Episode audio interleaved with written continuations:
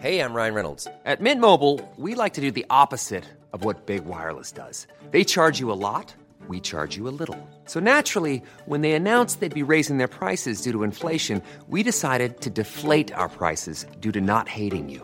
That's right. We're cutting the price of Mint Unlimited from $30 a month to just $15 a month. Give it a try at mintmobile.com slash switch. $45 upfront for three months plus taxes and fees. Promo rate for new customers for limited time. Unlimited more than 40 gigabytes per month. Slows. Full terms at mintmobile.com.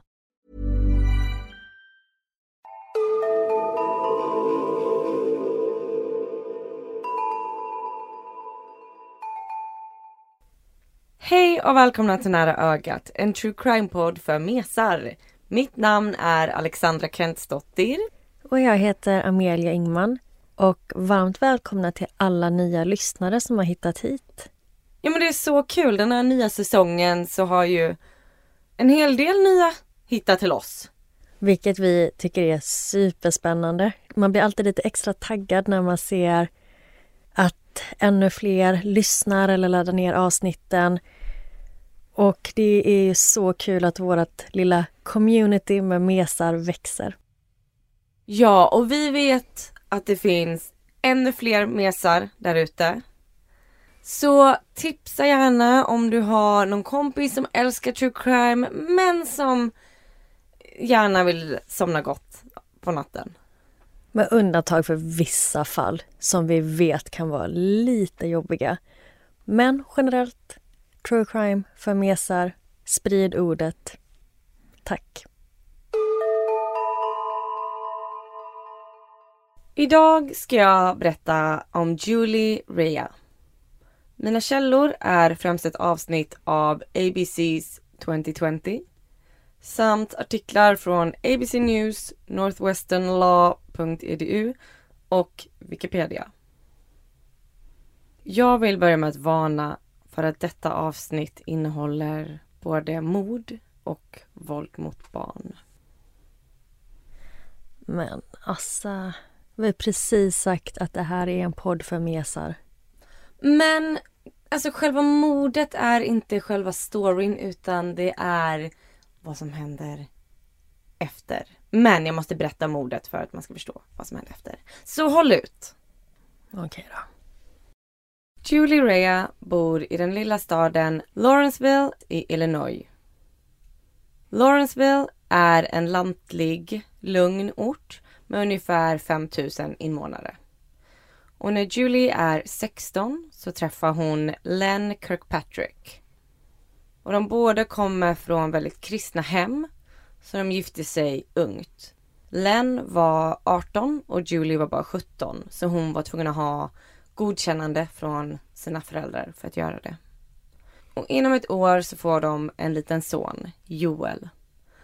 Och när Joel är runt sju år så väljer paret att gå skilda vägar.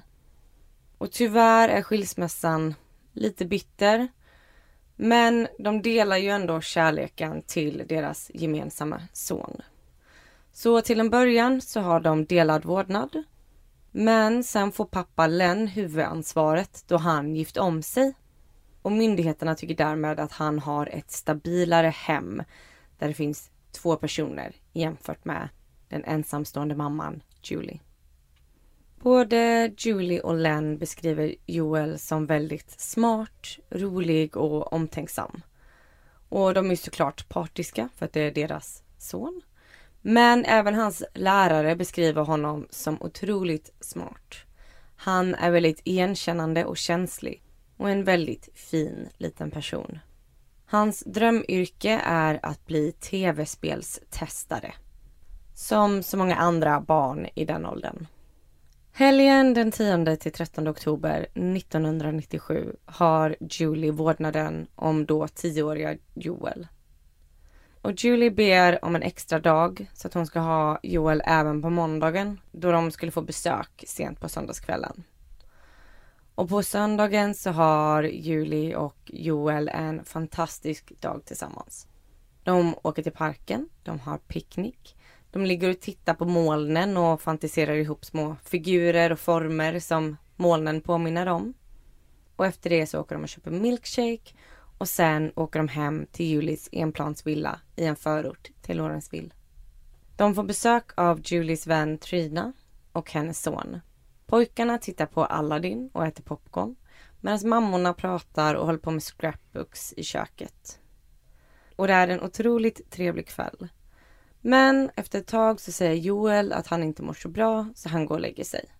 Och de andra är uppe en stund till. Julie erbjuder Trina och hennes son att sova över, men de bestämmer sig för att åka hem. Julie vaknar till runt fyra på natten av ett skrik. Hon är yrvaken och förstår inte alls vad det är som händer, men hon får genast en dålig magkänsla. Hon går till Joels rum samtidigt som hon ropar efter honom. När hon kommer in i rummet ser hon att Joel inte ligger i sin säng. Han är borta. Och hon hinner knappt reagera innan en man i skidmask hoppar fram. Mannen försöker trycka sig förbi Julie. Men hon förstår ju att han har ju någonting att göra med att hennes son är borta. Så hon låter honom inte gå förbi utan försöker klänga sig fast vid honom. Hon skriker och frågar vart hennes son är. Det blir väldigt tumult och de brottas och slåss genom huset medan mannen försöker ta sig ut. Han är starkare än henne och lyckas dra med henne ut på baksidan. Väl där så får han nog och slår henne i ansiktet så hon släpper taget. Mannen försvinner bort i mörkret samtidigt som han tar av sig sin skidmask. Gud, vilken chock att vakna upp till det. Mm. Men så modigt av henne att eh, ge sig på den här främmande mannen som har brutits in i hemmet. Ja, alltså hon klänger sig fast runt hans ben när han försöker gå ut därifrån. Men hon har inte hunnit ringa polisen eller något än? Nej, nej, nej. Allting har gått extremt fort. När Julie samlat sig efter slaget i ansiktet så springer hon över till grannen och plingar på. Grannen öppnar. Julie skriker att någon har kidnappat Joel och att de måste hjälpa henne och att de måste ringa polisen. Grannen ringer polisen runt halv fem på morgonen och hjälper sen Julie med hennes sår. När polisen kommer till platsen får de höra att Joel blivit kidnappad. De går in i huset och in i Joels rum. Och nu vill jag varna känsliga lyssnare. Joel ligger i en blodpöl mellan sängen och väggen. Men varför trodde Julie att han hade blivit kidnappad? Hon såg inte honom. Hon såg bara att han var borta. Hon hann aldrig till den delen av sängen. Jaha. Så att hon såg bara att han var borta, han var inte i sängen. Och sen så kommer den här mannen fram och då tror hon att mannen har tagit sonen. Men Joel har blivit knivhuggen till döds. Och han är död när polisen hittar honom. Usch, bara tio år. Ja, det är helt fruktansvärt och jag ber om ursäkt till alla mesar. Jag vet att det här är vanligtvis kanske inte något vi tar upp. Men jag måste berätta om detta för att kunna berätta nästa del av historien. Polisen uppdaterar Julie om att de har hittat Joel i rummet och att han inte har överlevt. Hon kan inte tro det. Hon kan inte förstå att han är död utan försöker få räddningspersonalen att fortsätta att rädda honom. De förklarar att det inte går. Och polisen i staden är inte van vid så här brutala fall. Så de tar hjälp av delstatspolisen. Och de förhör såklart Julie kring vad som har hänt och hon berättar då hela händelseförloppet. Och sen så börjar de förhöra grannar och även undersöka brottsplatsen. Utifrån vad Julie berättat så var det en fight mellan henne och gärningsmannen. Men när polisen undersöker huset så finns det inga direkta spår av slagsmål. Det finns inga omkullvälta möbler, inga tavlor som har ramlat ner. Och kniven som har använts vid attacken ligger på heltäckningsmattan utan några som helst blodspår runt om den. Och det visar sig att kniven tillhör Julie. Hon har fått den i bröllopspresent av Len för några år sedan. Och nu har den tagits från köket innan dådet. Nej. Säg inte att det är mamman som har gjort detta. Vi får se. Polisen börjar nu misstänka att det inte gått till som Julie förklarat. Polisen menar att det är flera saker som är misstänksamma. Ingenting har blivit stulet. Det finns glas på utsidan av dörren som brutits upp. Det finns inga spår av slagsmål i daggen på baksidan. När Julie sprang in till grannen och väntade på polisen så skulle ju grannen hjälpa Julie med såret hon fått i ansiktet. Och då hade Julie sagt Du behöver inte oroa dig, jag har inte aids. Va?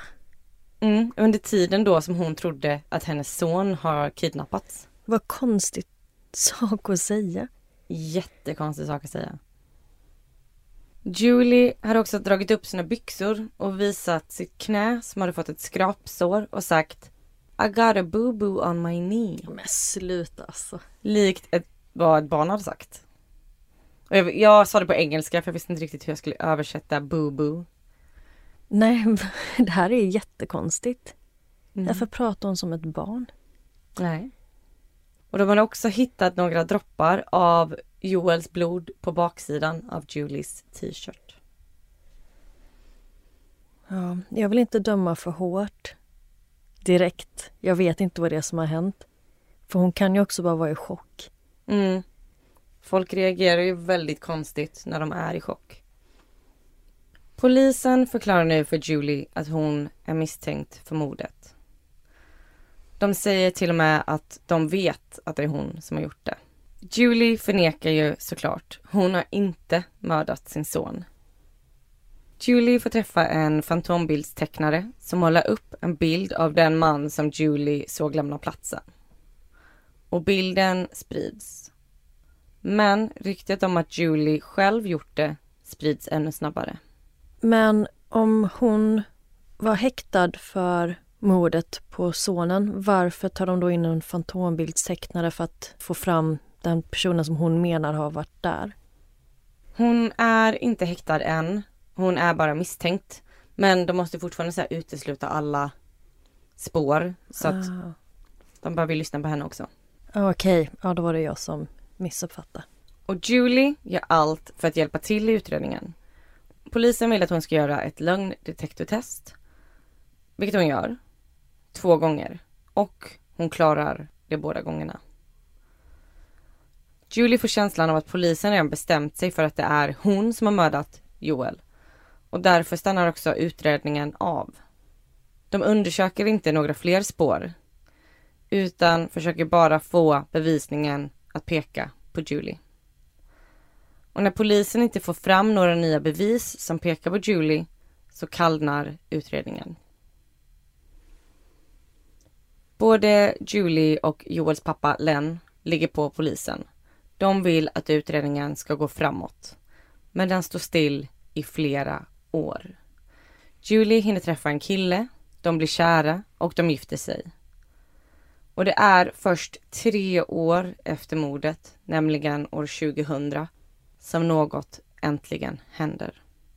Åklagare Ed Parkinson har kommit över fallet och driver det nu framåt. Åklagare Parkinson är säker på att Julie Rea har mördat sin son.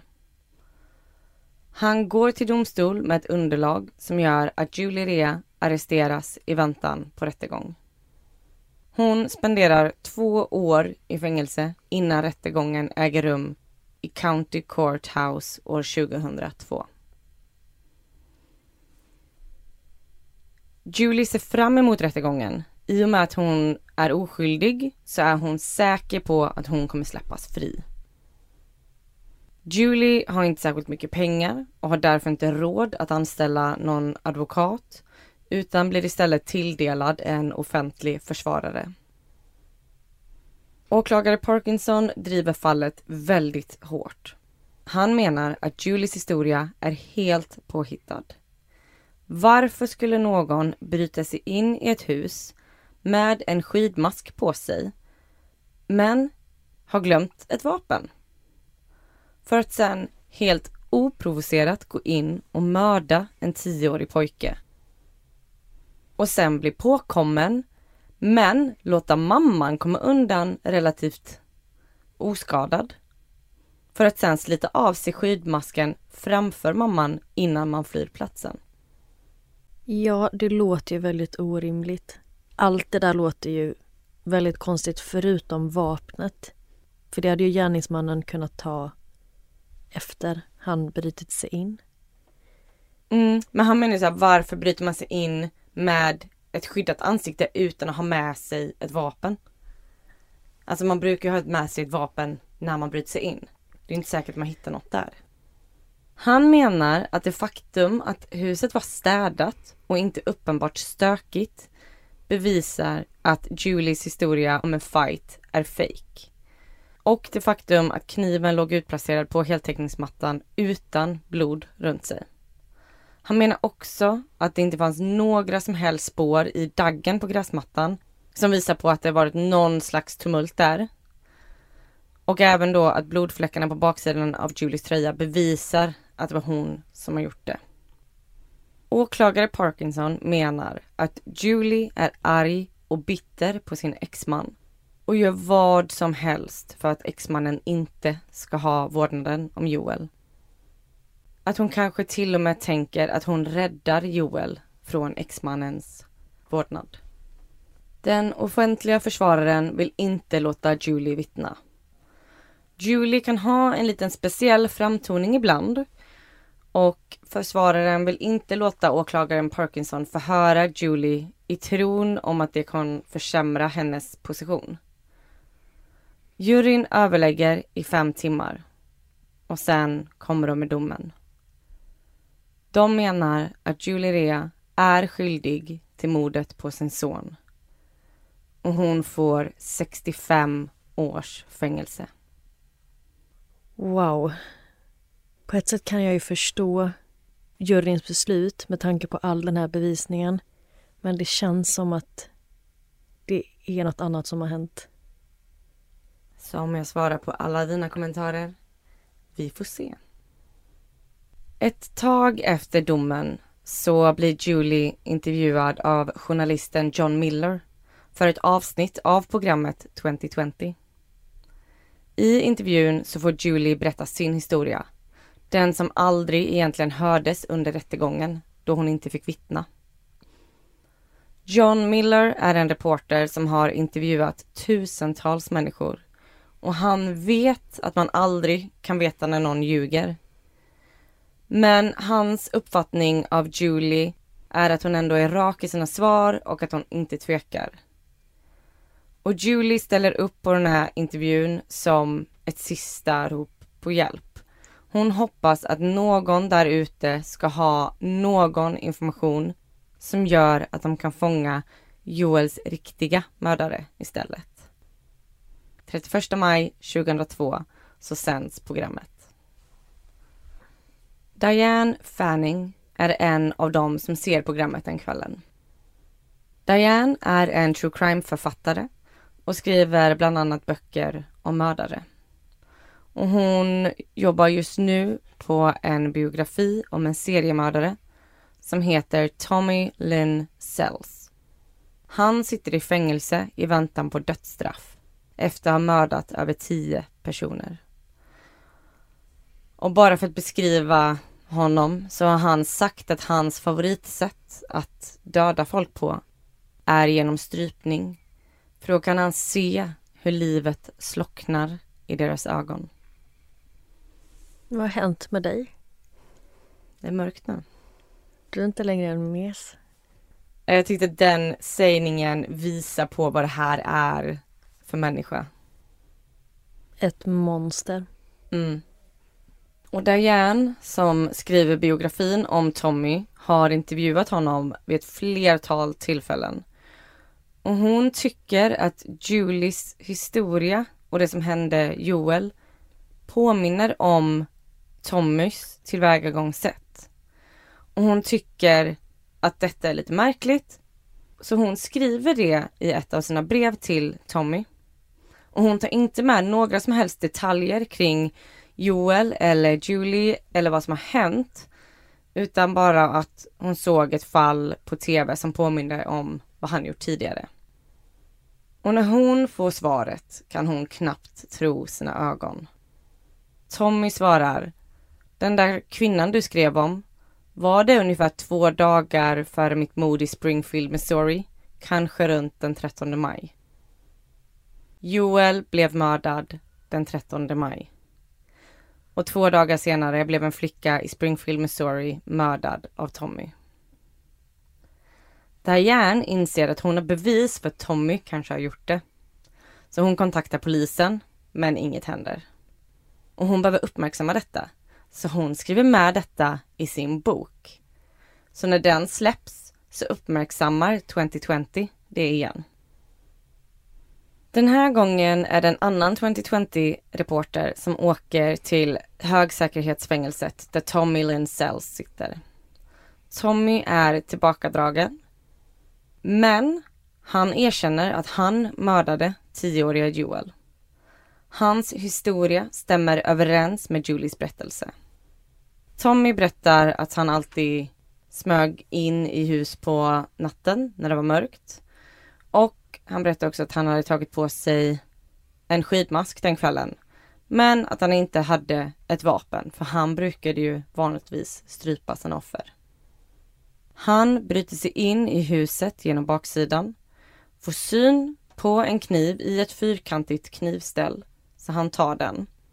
Smyger sig in i offrets rum, mördar honom, hör sen hur någon kommer, ser en kvinna och han tar sats och försöker springa förbi henne.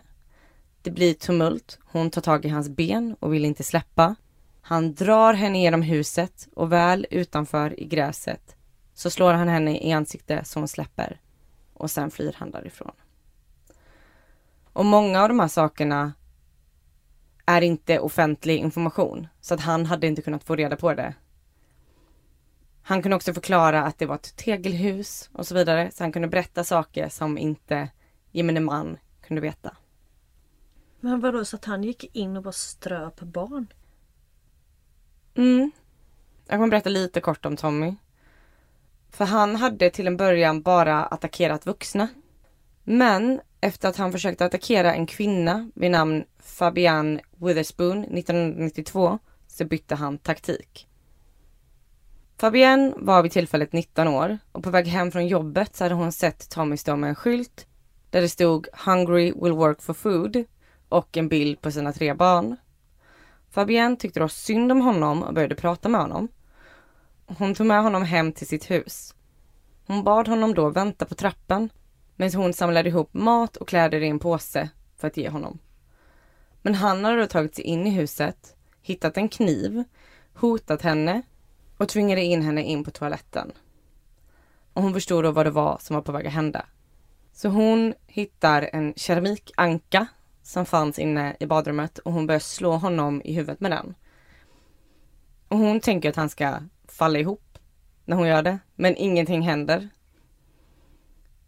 Hon får då tag i kniven och börjar hugga honom. Och sen efter det svartnade allt för henne. Hon fick ett slag i huvudet. Men när hon vaknar så ringer hon polisen och berättar allt. För Tommy har nämligen sagt hela sitt namn till henne. Så det var enkelt att hitta och arrestera honom. Och när polisen hittade honom så var han väldigt skadad. Han hade fått flera knivhugg i magen och en testikel var uppskuren. Tommy fick fem års fängelse och det var då han bestämde sig för att aldrig attackera någon i sin egen storlek igen utan bara attackera barn. Och två år efter han släpptes så mördade han Joel. Så vidrig människa. Och det är också där, okej, okay, jag ska inte ge mig på folk i min egen storlek. Inte, ja, kanske dags att sluta upp med det här. Nej. Och det kan inte alltid vara så lätt att förstå seriemördares motiv. Eller många gånger kanske de inte ens har några vettiga motiv. Men vad var Tommys grej? Alltså vad... Han bara gick in i random hus och ströp barn. Mm. Alltså, så hemskt. Ja, jag har faktiskt inte läst jättemycket om hans motiv men han gick i princip in och mördade folk lite höjvilt. Och höll sig då till barn i slutet.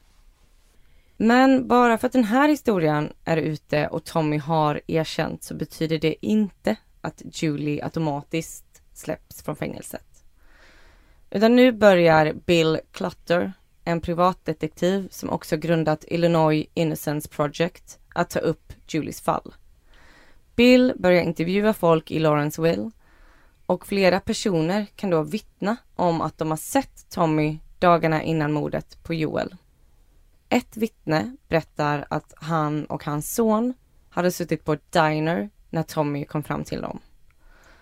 Tommy hade frågat om barnet var vittnets son, vilket det var. Och då hade Tommy sagt till pojken, jag slår vad om att du är rädd för mig. Följt av ett väldigt obehagligt skratt. För att sen avsluta med att säga, jag tror alla borde vara rädda för mig. Ett annat vittne hade sett Tommy gå på den väg som ledde upp till Julies hem samma kväll som mordet skedde. Ett tredje vittne hade sålt en bussbiljett till Tommy morgonen efter mordet. 2004, efter Julie suttit två år av sitt straff, så ogiltig förklaras hennes rättegång på grund av en teknikalitet och Julie kan nu släppas mot borgen på 75 000 dollar. Hennes familj skramlar ihop pengar och betalar borgen och Julie är nu fri i väntan på en ny rättegång. Men den här gången är Julie mer förberedd. Hon har bättre advokater och hon har ju då bland annat Illinois Innocence Project i ryggen. Och hennes nya advokater har tagit fram nya bevis. Dels har de erkännandet från Tommy och sen krossar de flera av de argument som fördes under första rättegången. Varför fanns det inga fingeravtryck från platsen? Jo, för polisen var säker på att det var Julie som hade gjort det. Så därför valde de att inte ta några fingeravtryck i och med att Julies fingeravtryck fanns överallt. Men sen säger de ju då att det inte finns några bevis för att en inkräktare tagit sig in. Nej, för att de inte tagit några fingeravtryck som kan bevisa det. Såklart. Och det här med att man inte kunde se att det pågått något slagsmål i gräset i daggen. Nej, för det har inte ens varit dagg den här natten. Och varför fanns det då glas på utsidan av dörren? Jo, för att glaset hade ju ramlat ut när han sedan öppnade dörren utåt. Och varför fanns det blod på Julies tröja? Och blodet var ju då bara på ryggen av hennes tröja. och Hon kunde omöjligt ha gjort det själv utan det måste ha kommit från en tredje part, det vill säga förövaren och sen på hennes tröja. Och den här gången får Julie vittna under rättegången. Och där kan hon då berätta om sin kärlek till Joel. Och i vittnesbåset så brister hon ut i gråt flera gånger. Juryn överlägger i 12 timmar, över dubbelt så länge som sist. Och den här gången så kommer juryn fram till att Julie är oskyldig. Åh gud vilken lättnad. Jag kan inte tänka mig hur hemskt det skulle vara att sitta oskyldigt dömd för något men också mordet på sitt eget barn. Mm. Och att hon äntligen fick ett ordentligt team bakom sig som kunde lägga fram riktiga bevis och ifrågasätta de här teorierna. Mm. Och alltså när Julie får reda på att juryn kommer fram till att hon är oskyldig så kollapsar hon på golvet. Hon är så lättad. Mardrömmen är äntligen över. Julie berättar att det kändes som att Joel var där med henne och att han vakade över henne under rättegången. Idag är Julie en förkämpe för kvinnor som blivit oskyldigt anklagade och hon arbetar dagligen med att försöka hjälpa kvinnor som hamnat i liknande situation som hon själv var i. Och den första december 2010 så fick hon ett certifikat som visade att hon är helt oskyldig. Och det var allt jag hade om Julie Rea. Så spännande fall. Ja, alltså även om det handlade om ett mord så tyckte jag att alltså Julies kamp efteråt var det som var i fokus. Och jag tyckte ändå att den historien var värd att berätta. Även om den kanske inte var så mesig. Ja, det håller jag med om. Och det var ju fruktansvärt det som hände Joel och också vilket hemskt monster den här Tommy är. Så skönt att hon ändå fick upprättelse. Ja, men alltså dels att hon sörjer sin son. Men sen att bli misstänkt för det och bli dömd för det. Alltså hon fick ju domen att hon skulle sitta 65 år i fängelse. Mm. Och jag kan förstå att man vid första anblick kan tro att hon var skyldig eller inblandad. Alltså när du berättade de här första detaljerna kring brottsplatsen och sådär, då bara okej, okay, det kanske är Julie som har gjort det. Men som poliser och som utredare, då kan man ju inte gå in med förutfattade meningar. De kan ju inte bara utgå från att hon har gjort det och sen inte följa upp andra spår, inte kolla efter fingeravtryck och inte liksom göra en ordentlig utredning. Nej, precis. Det är så obehagligt att tänka på hur många gånger det faktiskt händer. Mm. Och det sjuka är att om inte 2020 hade intervjuat henne och om inte Diane Fanning hade tittat den kvällen och skrivit det här brevet, alltså om inte hon hade skrivit den här boken om Tommy och om inte hon hade skrivit det här brevet så hade vi aldrig fått fram Tommys erkännande.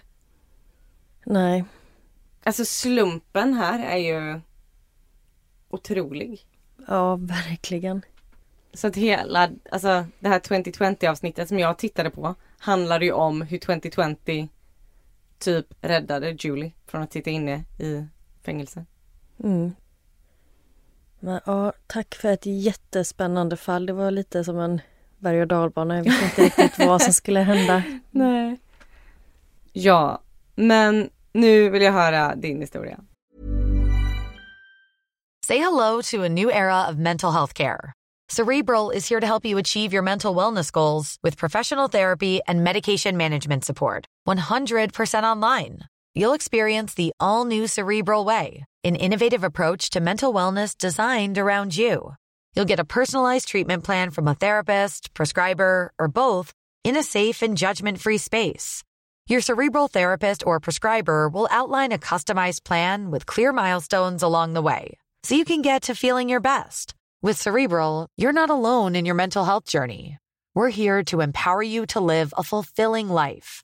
So take that first step towards a brighter future and sign up today at cerebral.com slash podcast and use code ACasts to get 15% off your first month. Offer only valid on monthly plans. Other exclusions may apply. Offer ends July 31st, 2024. See site for details. If you thought the only way to get a more defined jawline with natural looking results was through surgery, think again. Juvederm Volux XC is a non surgical injectable gel filler that improves moderate to severe loss of jawline definition and can help you achieve natural looking results with little downtime. Even better, this improved definition lasts up to one year with optimal treatment. No maintenance required. Improve jawline definition for a smooth, sculpted look with Juvederm Volux XC. For important safety information and to find a licensed specialist, visit juvederm.com. That's J U V E D E R M.com. Not for people with severe allergic reactions, allergies to lidocaine, or the proteins used in Juvederm. Common side effects include injection site redness, swelling, pain, tenderness, firmness, lumps, bumps, bruising, discoloration, or itching. There's a risk of unintentional injection into a blood vessel, which can cause vision abnormalities, blindness, stroke, temporary scabs, or scarring. Talk to a licensed specialist to find out if it's right for you.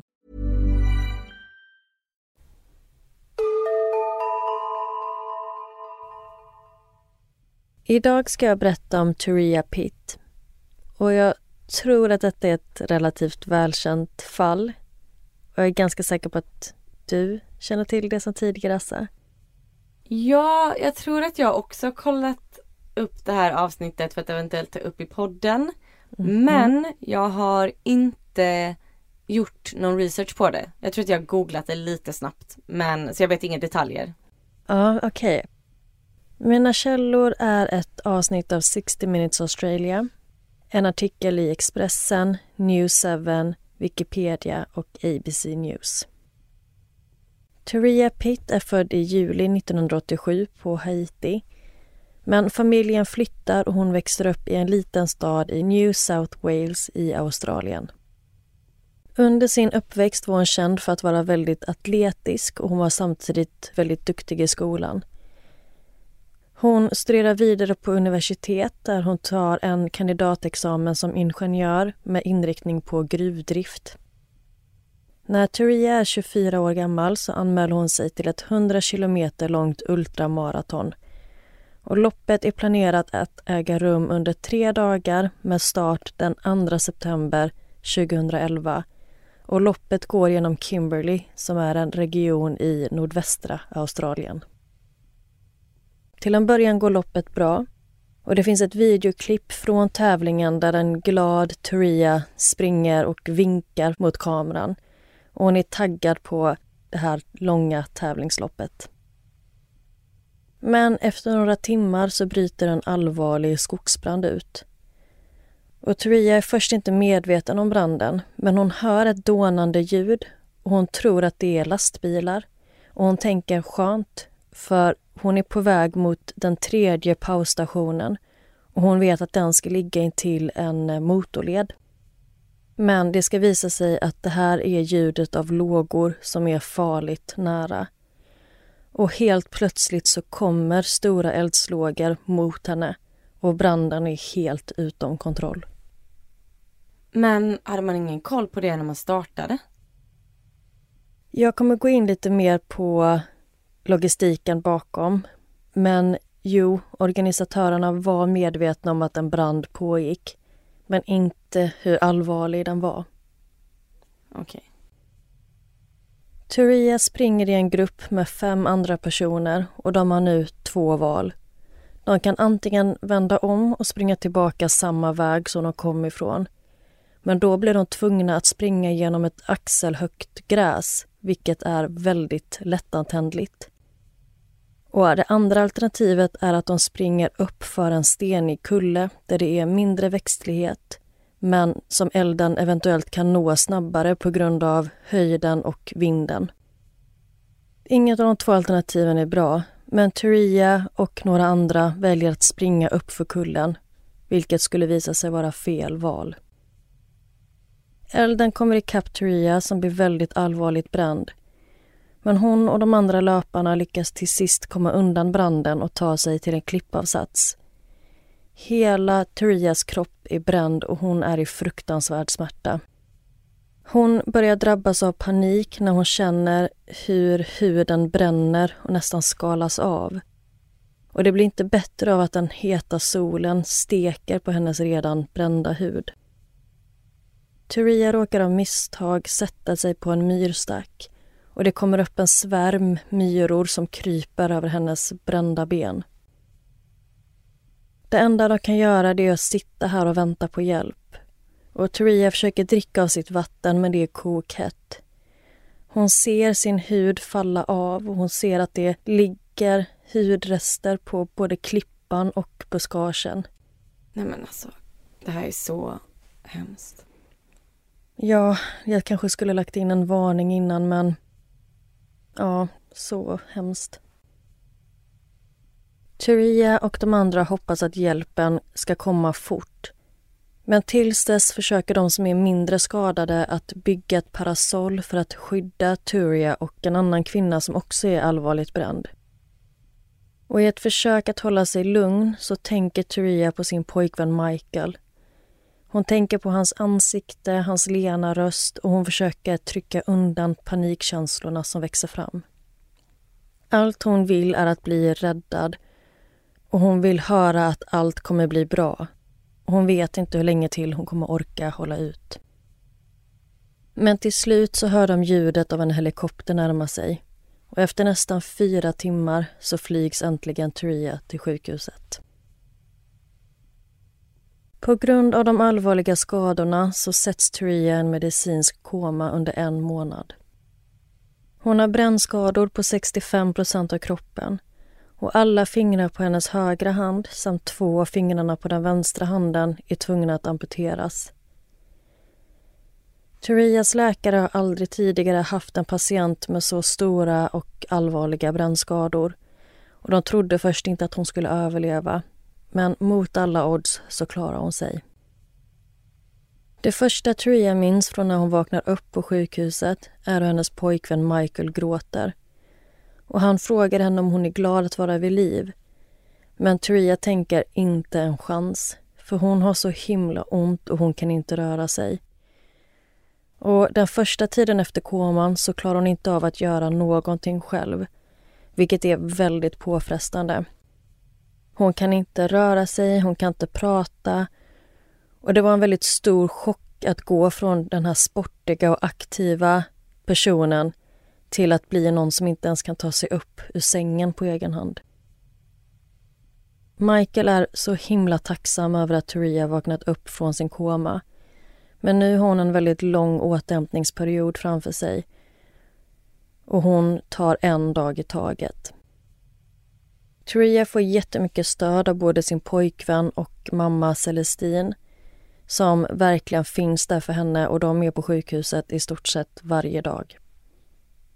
Jag tänker att en person som Turia som frivilligt ska springa ett ultramaraton också är en sån person som kanske har the dedication att ta sig igenom en sån här skada. Hundra procent. Och det är exakt det hon har. Hon har sån extrem viljestyrka. Så ja, hon är väldigt dedikerad att bli bättre. Till en början så hade Turia inte sett sin egen spegelbild och hon visste inte hur hon såg ut eller hur illa skadorna var efter olyckan.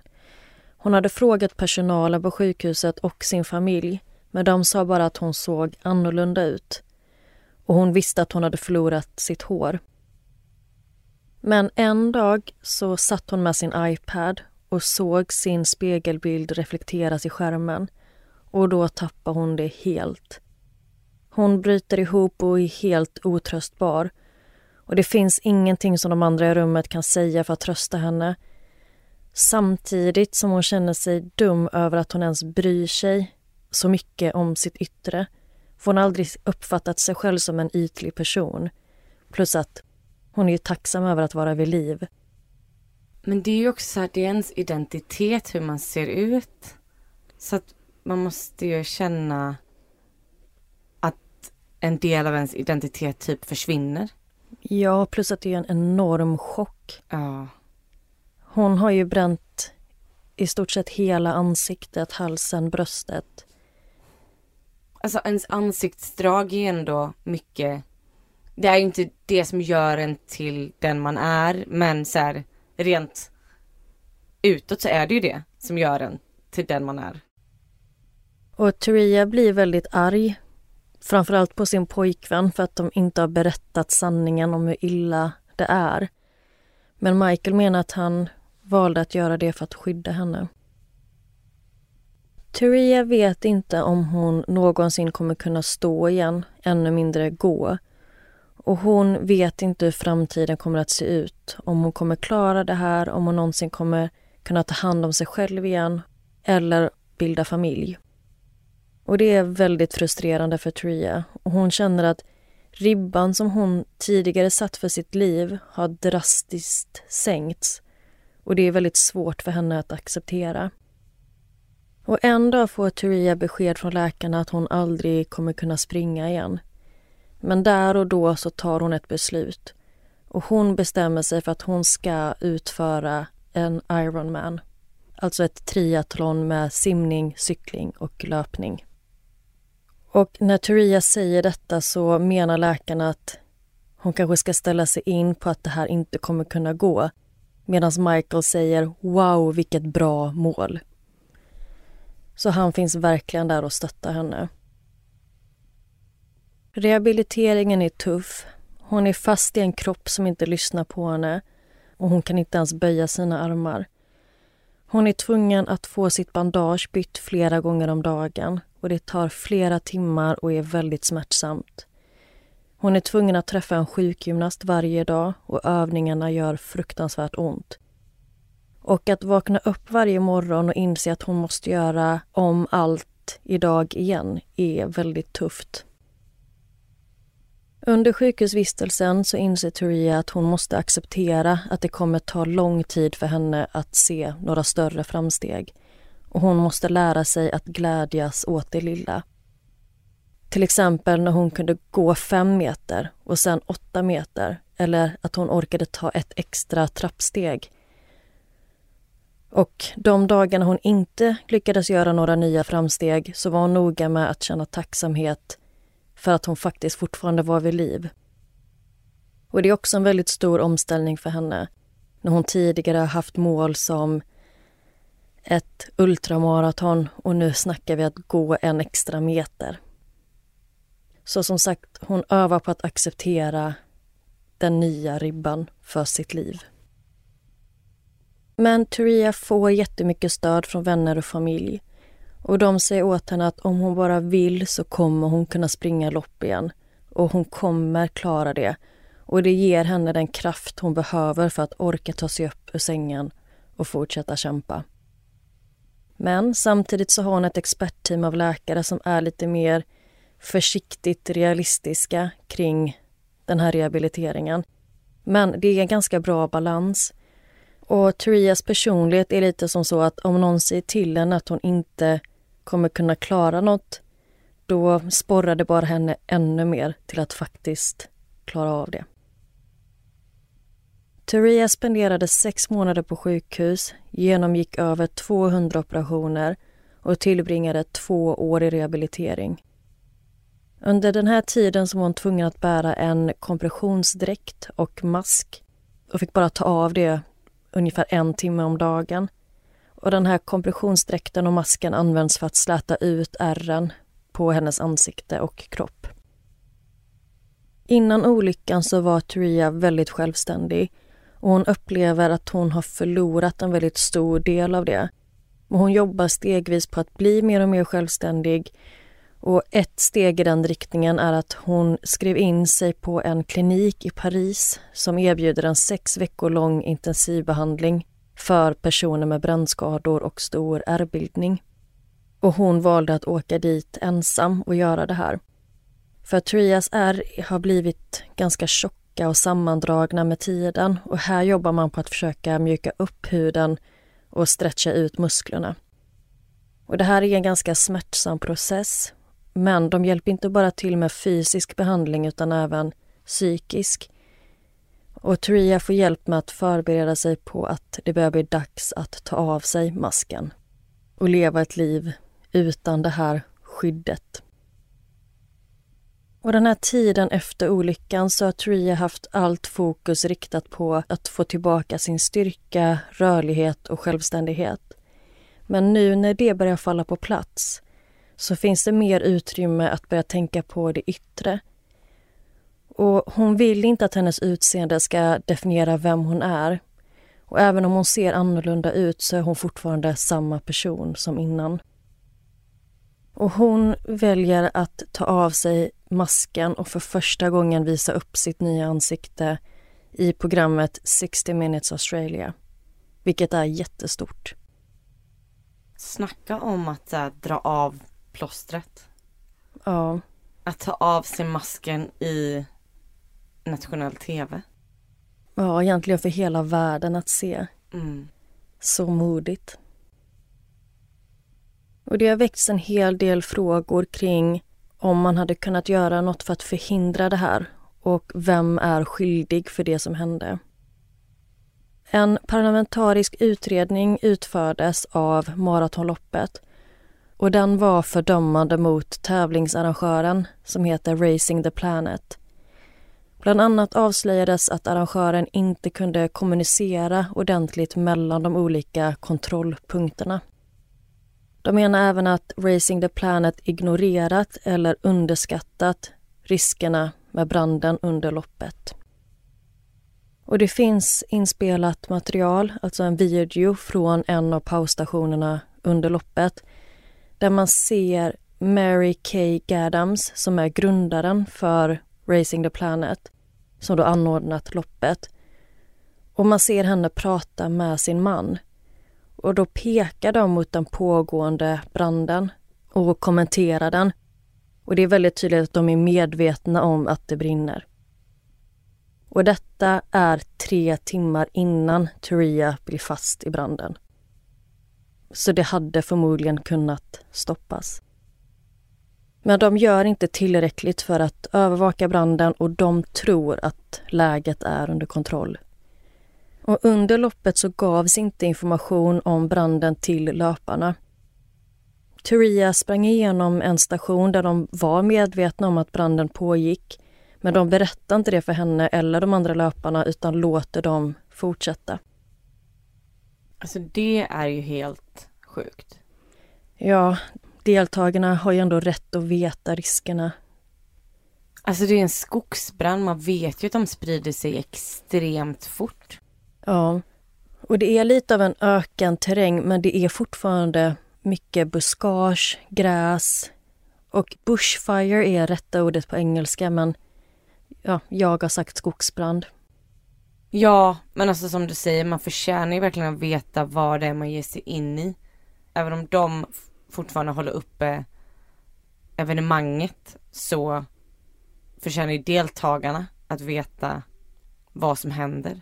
Ja, och låt säga då att arrangörerna inte ser den här branden som något potentiellt hot. Då kan fortfarande informera om att den pågår. Exakt. Och de löparna som ledde maratonloppet varnade om branden till organisatörerna.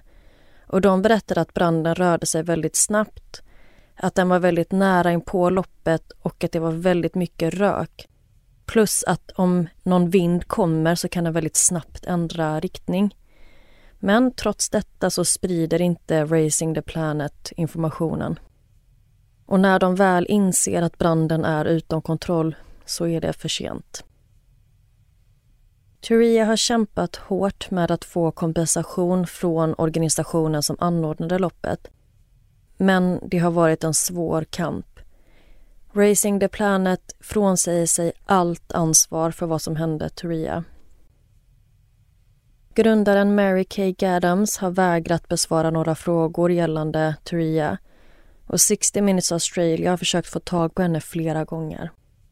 Och det slutar med att de får reda på var hon befinner sig, att hon är på Island.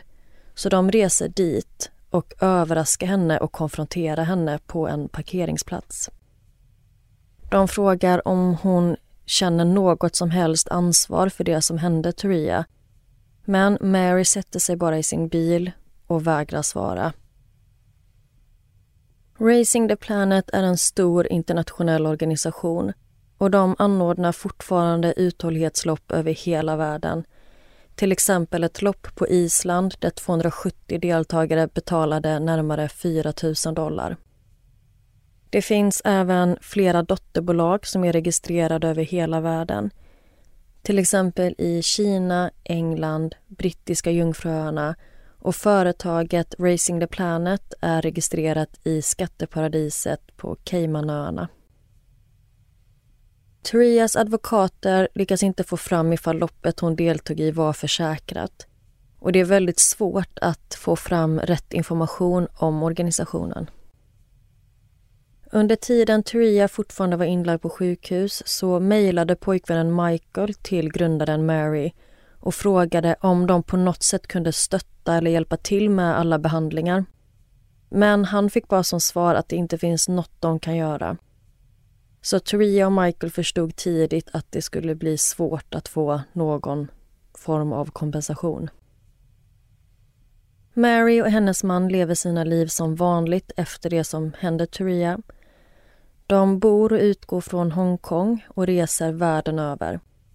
Hennes man är tidigare ordförande för banken Morgan Stanley som globalt har hand om tillgångar till ett värde av närmare 350 miljarder dollar.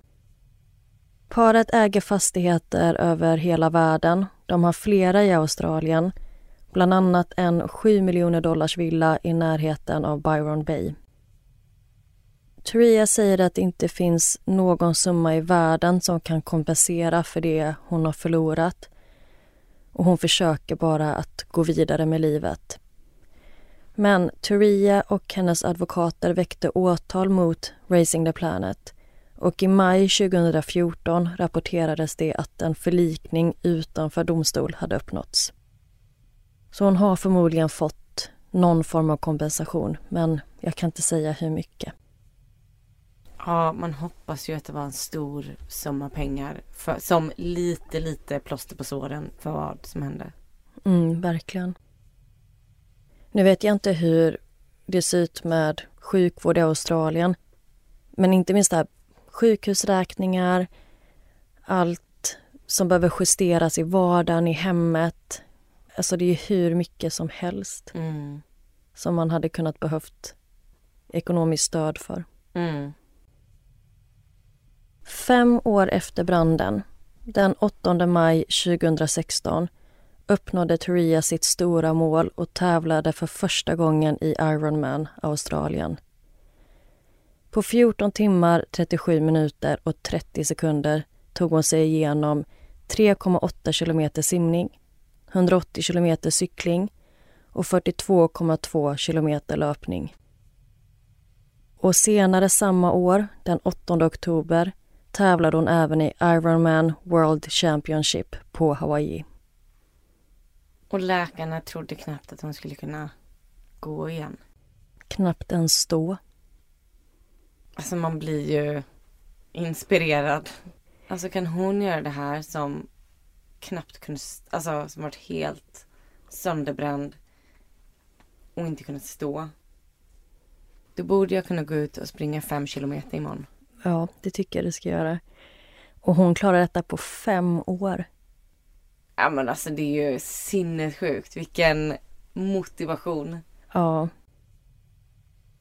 Och efter hon deltog i Ironman så känner Tria att hon inte har något mer kvar att bevisa. Idag springer hon mycket. Löpning är ett sätt för henne att komma bort, få en paus. Det får henne att må bra och hon säger att det är hennes happy place. Hon är väldigt atletisk och simmar, surfar, klättrar och gör yoga. Turia planerade även att bestiga Mount Everest. Men bara några veckor innan tänkt avresedatum så får hon veta att hon är gravid med sitt första barn. Och efter hon blev mamma så släppte en del av det här drivet att hela tiden bevisa vad hon kan och träna varje dag för nästa stora utmaning. Och hon slutade jämföra sig själv med vad andra klarar av och vad hon själv klarade av innan olyckan. Och den nya utmaningen hon valt att fokusera på är nu rollen som mamma. Men med det sagt så har hon ju självklart deltagit i flera uthållighetslopp även efter hon fick barn. Ja men vad fint att de fick barn. För du sa väl innan att läkaren inte visste om hon ens skulle kunna få det? Nej, precis. Och hon hade en del brännskador på magen, men det var inte så illa. Och det visade sig att hon hade inga invärtes skador. Och idag har Turia och Michael tre barn tillsammans. Turia jobbar som motivationsföreläsare och författare. Och hon är en väldigt eftertraktad inspirationsföreläsare och hon har medverkat vid evenemang som TEDx till exempel. Turia har även varit handledare för tusentals genom sina onlineprogram och även jobbat med flera olika välgörenhetsorganisationer där hon hjälper till att samla in pengar och sprida kunskap. Hon har hundratusentals följare på Instagram och på sin populära blogg. Och i sina nyhetsbrev så får fans från hela världen ta del av hennes livspeppande inlägg och nu även livet som mamma. Turia har gjort över 200 kirurgiska ingrepp. Men i dagsläget så handlar inte längre operationerna om att rädda liv och de är inte längre akuta. Utan nu handlar det om att förbättra livskvaliteten. Till exempel operera näsan för att fixa luftvägarna så att hon kan andas bättre. Operera fingrarna så hon får bättre mobilitet och så vidare. Och det största hon lärde sig om sig själv under rehabiliteringen är att hon är helt otroligt ambitiös och driven. Turia har faktiskt dött på operationsbordet tre gånger och hon tappade all sin fysiska förmåga efter olyckan och hon såg inte längre ut som sig själv. Men trots detta utgångsläget och trots de dåliga förutsättningarna så lyckades hon kämpa sig vidare och behöll hoppet och tron om att hon kommer bli bättre. Hon lärde sig också hur mycket människorna i hennes liv betydde för henne. För innan branden så beskriver hon sig själv som lite mer självupptagen. Men efter olyckan så inser hon hur fantastiska vänner, familj och pojkvän som hon har runt sig och hon kommer aldrig igen ta dem för givet. Turia är så tacksam över att ha Michael vid sin sida och att han varit ett så stort stöd för henne. Och Michael är tacksam över att hon fortfarande är vid liv. Och det var berättelsen om Turia Pitt. Vilken inspirerande människa. Ja, och jag förstår verkligen varför hon är inspirationsföreläsare. Och jag har sett en del intervjuer med Turia, ganska nya intervjuer med henne. Och det verkar verkligen som att hon har fått tillbaka sitt självförtroende. Hon verkar så stark och positiv och ja, verkligen en inspiration. Och som jag nämnde innan så är Turia författare och jag tror hon har skrivit fyra böcker. Och i den senaste boken så ger hon tips på hur man finner lycka. Och den boken heter Happy and other ridiculous aspirations. Den kanske man borde ta och läsa. Ja, jag tror det. Men ja, alltså jag tycker det är så coolt med personer som tar sig från en absolut botten till tillbaka till livet och liksom når sina mål. Att hon hade modet att sätta Iron Man som mål när hon inte ens kan stå. Till att hon fem år senare gör en Iron Man. Ja, två stycken samma år till och med. Mm. Och idag så säger Turi att det som frustrerar henne det är när hon inte kan klara av vardagssysslor. Att det är de små sakerna som kan vara påfrestande. Till exempel att inte kunna ta av locket på en burk. Och det som retar henne är att hon inte kan klara av det på egen hand. Men hon jobbar fortfarande på att acceptera att det kommer alltid finnas saker som hon inte kan göra längre och att hon kommer behöva be andra om hjälp mer än vad hon gjorde innan olyckan. Men de här större sakerna som hon kanske aldrig kommer kunna göra, det är inte lika påfrestande. Utan det är just den här frågan om självständighet som är hennes stora grej. Ja, men alltså som du berättade innan, hon är utbildad ingenjör. Hon alltså springer eller gör de svåraste loppen i världen. Och sen då att inte kunna öppna en burk, det måste ju vara frustrerande. Ja, och jag har ett citat från Tria att hon säger typ exakt det att hon innan olyckan så levde hon sitt drömliv. Hon var 24 år, vältränad, hälsosam, hade nyligen fått sitt drömjobb som gruvingenjör och ja, hade hela livet framför sig. Vilket hon fortfarande har, men med kanske andra mål och andra ambitioner. Mm. Och det är helt otroligt den här mängden operationer som hon har gått igenom. Ja, vad sa du? Över 200? Ja, och jag tror inte att det är nödvändigtvis 200 tillfällen utan det är kanske färre operationstillfällen men 200 ingrepp. Och jag tror att nu så pågår en diskussion ifall Turia är en möjlig kandidat för en ansiktstransplantation. Oj. Och om hon bestämmer sig för att göra det så kommer hon bli den första någonsin i Australien. Men vad jag kunde hitta så var det fortfarande att hon var ganska osäker. För det är en väldigt stor omställning både för henne själv men också för hennes partner. Så vi får se vilket beslut hon tar kring det. Men om man tittar på bilder på henne idag och för några år sedan så är det väldigt stor skillnad. De har kommit jättelångt med hennes operationer. Ja, och jag måste bara säga, alltså hennes kille verkar ju ändå väldigt gullig. Ja, både Michael och Turias mamma har ju verkligen stöttat henne så mycket genom det här. Och Michael och Tria hade bara varit ett par i två år innan den här olyckan ägde rum. Och hon säger att hon är väldigt stolt över hur de hanterade den här olyckan och hur det har gjort att de har ett så himla starkt band mellan varandra. Och hon säger även att Michael är en helt fantastisk pappa. Och när Theria låg på sjukhus då valde Michael att lämna sitt jobb som polis för att kunna ta hand om henne på heltid. Gud vad fint. Ja men också som, alltså det du sa innan, när hon sa att hon minsann ska göra en Ironman. Och han bara, ja, you Mm. go. Verkligen. Bra mål. Ja, fantastisk stöttning. Mm. Ja, men det var allt jag hade idag så jag kommer tipsa om hennes böcker på våran Instagram och Facebook. Och jag kommer även lägga ut lite bilder från loppet och Turia idag och sådär. Så in och följ oss där. Och med det sagt, ni får hemskt gärna tipsa om våran podd om ni tror att ni känner några mesar där ute, så sprid ordet. Ja, och välkomna hit alla nya mesar som har hittat oss på sista tiden.